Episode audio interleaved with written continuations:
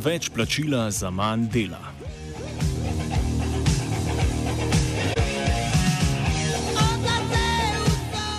Nemški sindikat IG Metal je začel z enotedensko stavko. Zahteva namreč 6-odstotno zvišanje plač in možnost dveletnega 28-urnega delovnika za tiste delavce, ki morajo skrbeti za otroke ali sorodnike, ne da bi se jim pri tem bistveno znižala plača.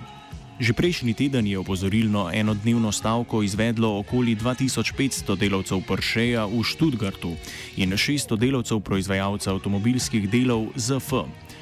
Tokratne stavke se bo po ocenah sindikata udeležilo okrog 700 tisoč delavcev, zaenkrat pa jih v stavki sodeluje 15 tisoč. IG Metal združuje delavce v kovinarski in strojni industriji, med drugim tudi delavce v avtomobilski industriji. Z nekaj več kot 2 milijona člani je največji sindikat v Evropi.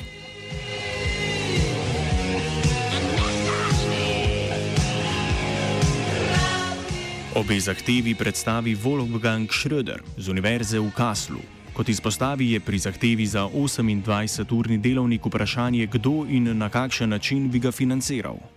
They have uh, two demands. The first demand is to increase the wages by 6%. I think this is uh, totally okay if you look to the situation in the economic affairs. And the second demand is to reduce working time by 28 hours for special situations like uh, having care for elderly people or for children. And uh, this is um, a point which is very interesting because it is connected with uh, what we what we have as a debate in the in the whole society, and so the social partners could support this special social point for their economic situation. But it's uh, very difficult to to have a clear answer for this point because uh, it is not so clear who, who can pay this uh, what they want to have, because the, the demand from the from the trade unions is that that uh, the people who can use this uh, working time reduction should get a compensation for the loss of money and uh, therefore they uh, need uh, um, more money for this group. And then it's the question if the employers are willing to pay this. And I, I, think there is a chance to realize this when they build up a special fund. But uh, the big question is if this this uh, point, this demand will reduce the the um, the increase of, of wages? Is there a connection between the working time reduction for special uh, circumstances and the and the and the increase of wages? Will it have a negative influence of the increase of wages? Pri zahtevi za možnost 28-urnega delovnika je namreč pomembno, da bi bili ti delavci vsaj deloma plačani tudi za razliko do 35-urnega delovnika, torej dela, ki ga ne opravljajo.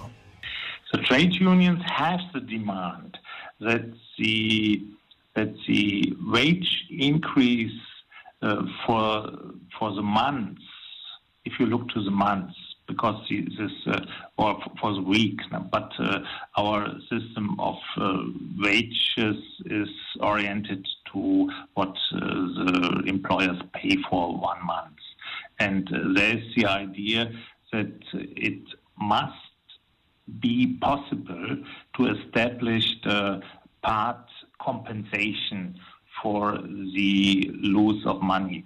Uh, what does it mean? That means uh, if you have uh, uh normally a 35 hours week and you reduce your week by 20 to 28 hour week and you have maybe a reduce of monthly amount by 1000 euro then uh, it must be possible to have a compensation by about I have not uh, the direct concrete number in my eyes, but uh, I think they want to have uh, that you can compensate it by about 30%. And the employers should pay this compensation. And the, and the answer of the employers is that they say it's not possible to pay for work what is not doing because otherwise people who work longer get less money than a group which worked in a lower wage uh, system.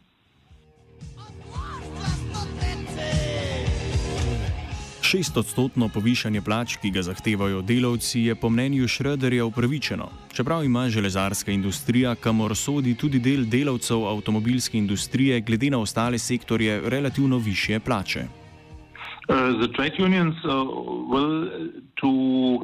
to increase uh, the wages. And uh, you have to see this uh, data you referred now are data for the whole uh, labor market. But uh, if you look to the development inside of the metal sector, you will not find this development in a similar way because the the increase of wages inside of the metal worker uh, labor market uh, was at a level which is comparable to the increase of the of the uh, grand national product and so on. Mm-hmm. So you have to, to, to, to make a difference between the whole labor market and the special labor market in the metal and electronic sector.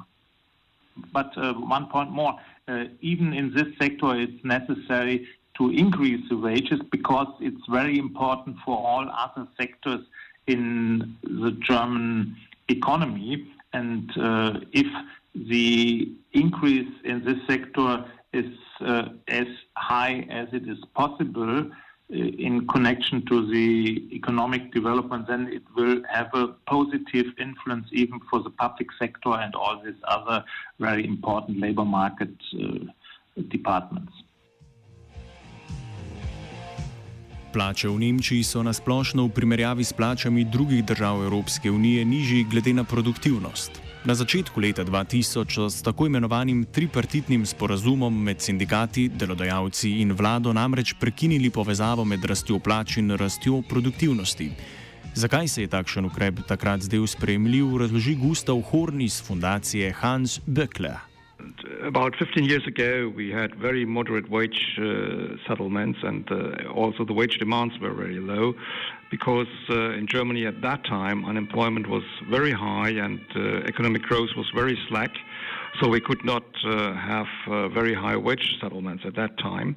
And that led to a kind what we econom- economists call uh, depreciation of the German economy, which means that the demand from Germany to other European countries was very, very weak and that led to the destabilizing external trade surpluses of Germany, which were one of the roots of the euro crisis we have seen in 2008 and uh, the following years. Sindikati so sicer v tem času doživeli več sprememb. Šreder predstavi kratek pregled pomena sindikatov in neenakomerne porazdeljenosti moči med delavci različnih sektorjev.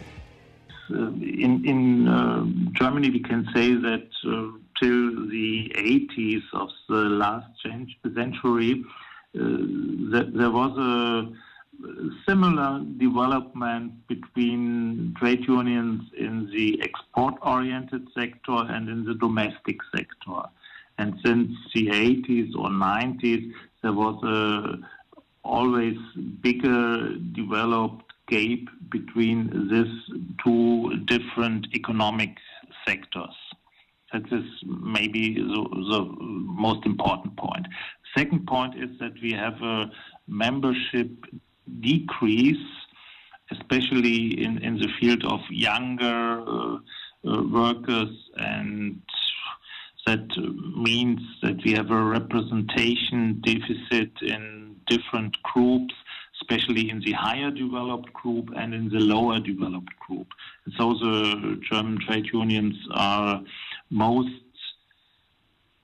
build up of uh, workers in the in the middle range, and uh, these groups are very strong in the in the export-oriented sectors. The third point is that uh, we we have this uh, increase of low-paid workers, and these low-paid workers are mostly uh, employed in the domestic sector, and in the domestic sector, the trade unions are very weak, and this means that the uh, low-paid workers are not organized and have no influence, uh, no positive influence of uh, shaping positive uh, uh, work conditions. Zakonsko določeno minimalno plačo je Nemčija uvedla šele leta 2015, razloži Schröder. Point that uh, was the basic for build up this minimum wage system in Germany, which was established in 2015. And this minimum wage system is very late established in Germany. If you compare it with other European countries, it was uh, Germany was the 22.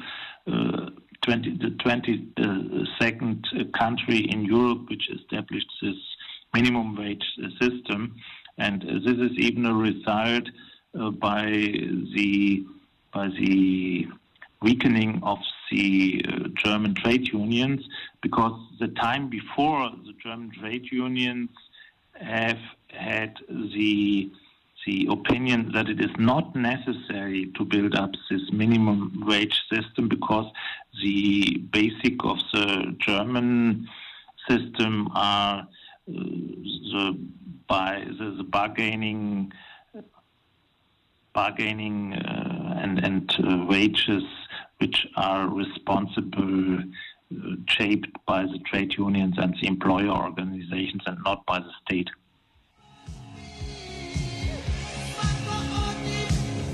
Nemški sindikati se v zadnjem času soočajo z upadom članstva. Na to se med drugim odzivajo s povezovanjem manjših sindikatov v večje. A to ima tudi negativne posledice, razloži Schröder. So one of the big challenges of the German trade unions is the, is the, uh, the reduction and erosion of membership decrease.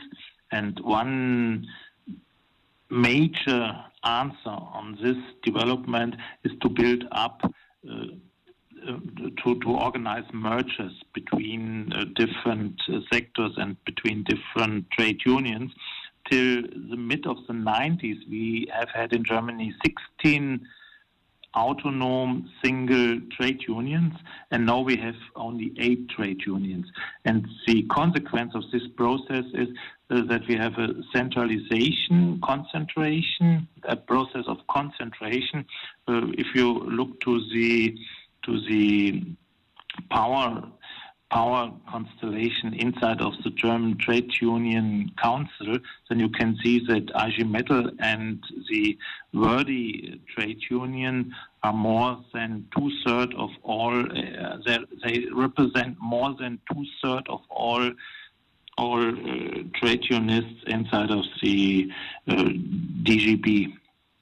That's one consequence. And the second consequence is that this uh, multi branch trade unions are not so efficiency in efficient in in recruiting new members and having a good a good power basic to fight with the employer organizations.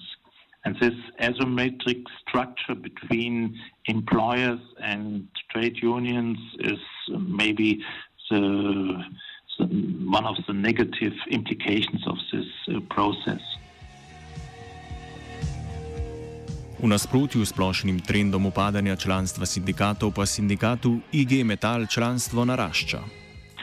Yes, the, the membership of IG Metal is uh, is uh, going up since 2012.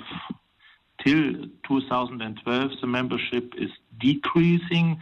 Since 2012, it's uh, increasing, and this the cause for this turnaround since 2012 12 is that they concentrate their organizational power in a much better and intel- more intelligent way to recruit uh, workers as members. And uh, but but if you compare these results with the development in the labor market, then you must say that even these positive results are not not able to to bring a, a better organizational decree as the time before. Stavke so danes potekale v tovarni Porscheja v Študgartu ter v več tovarnah avtomobilističnih delov v Berlinu in na zahodu Nemčije. Za jutri so stavke napovedane tudi na Bavarskem, kjer med drugim domujeta BMW in Siemens.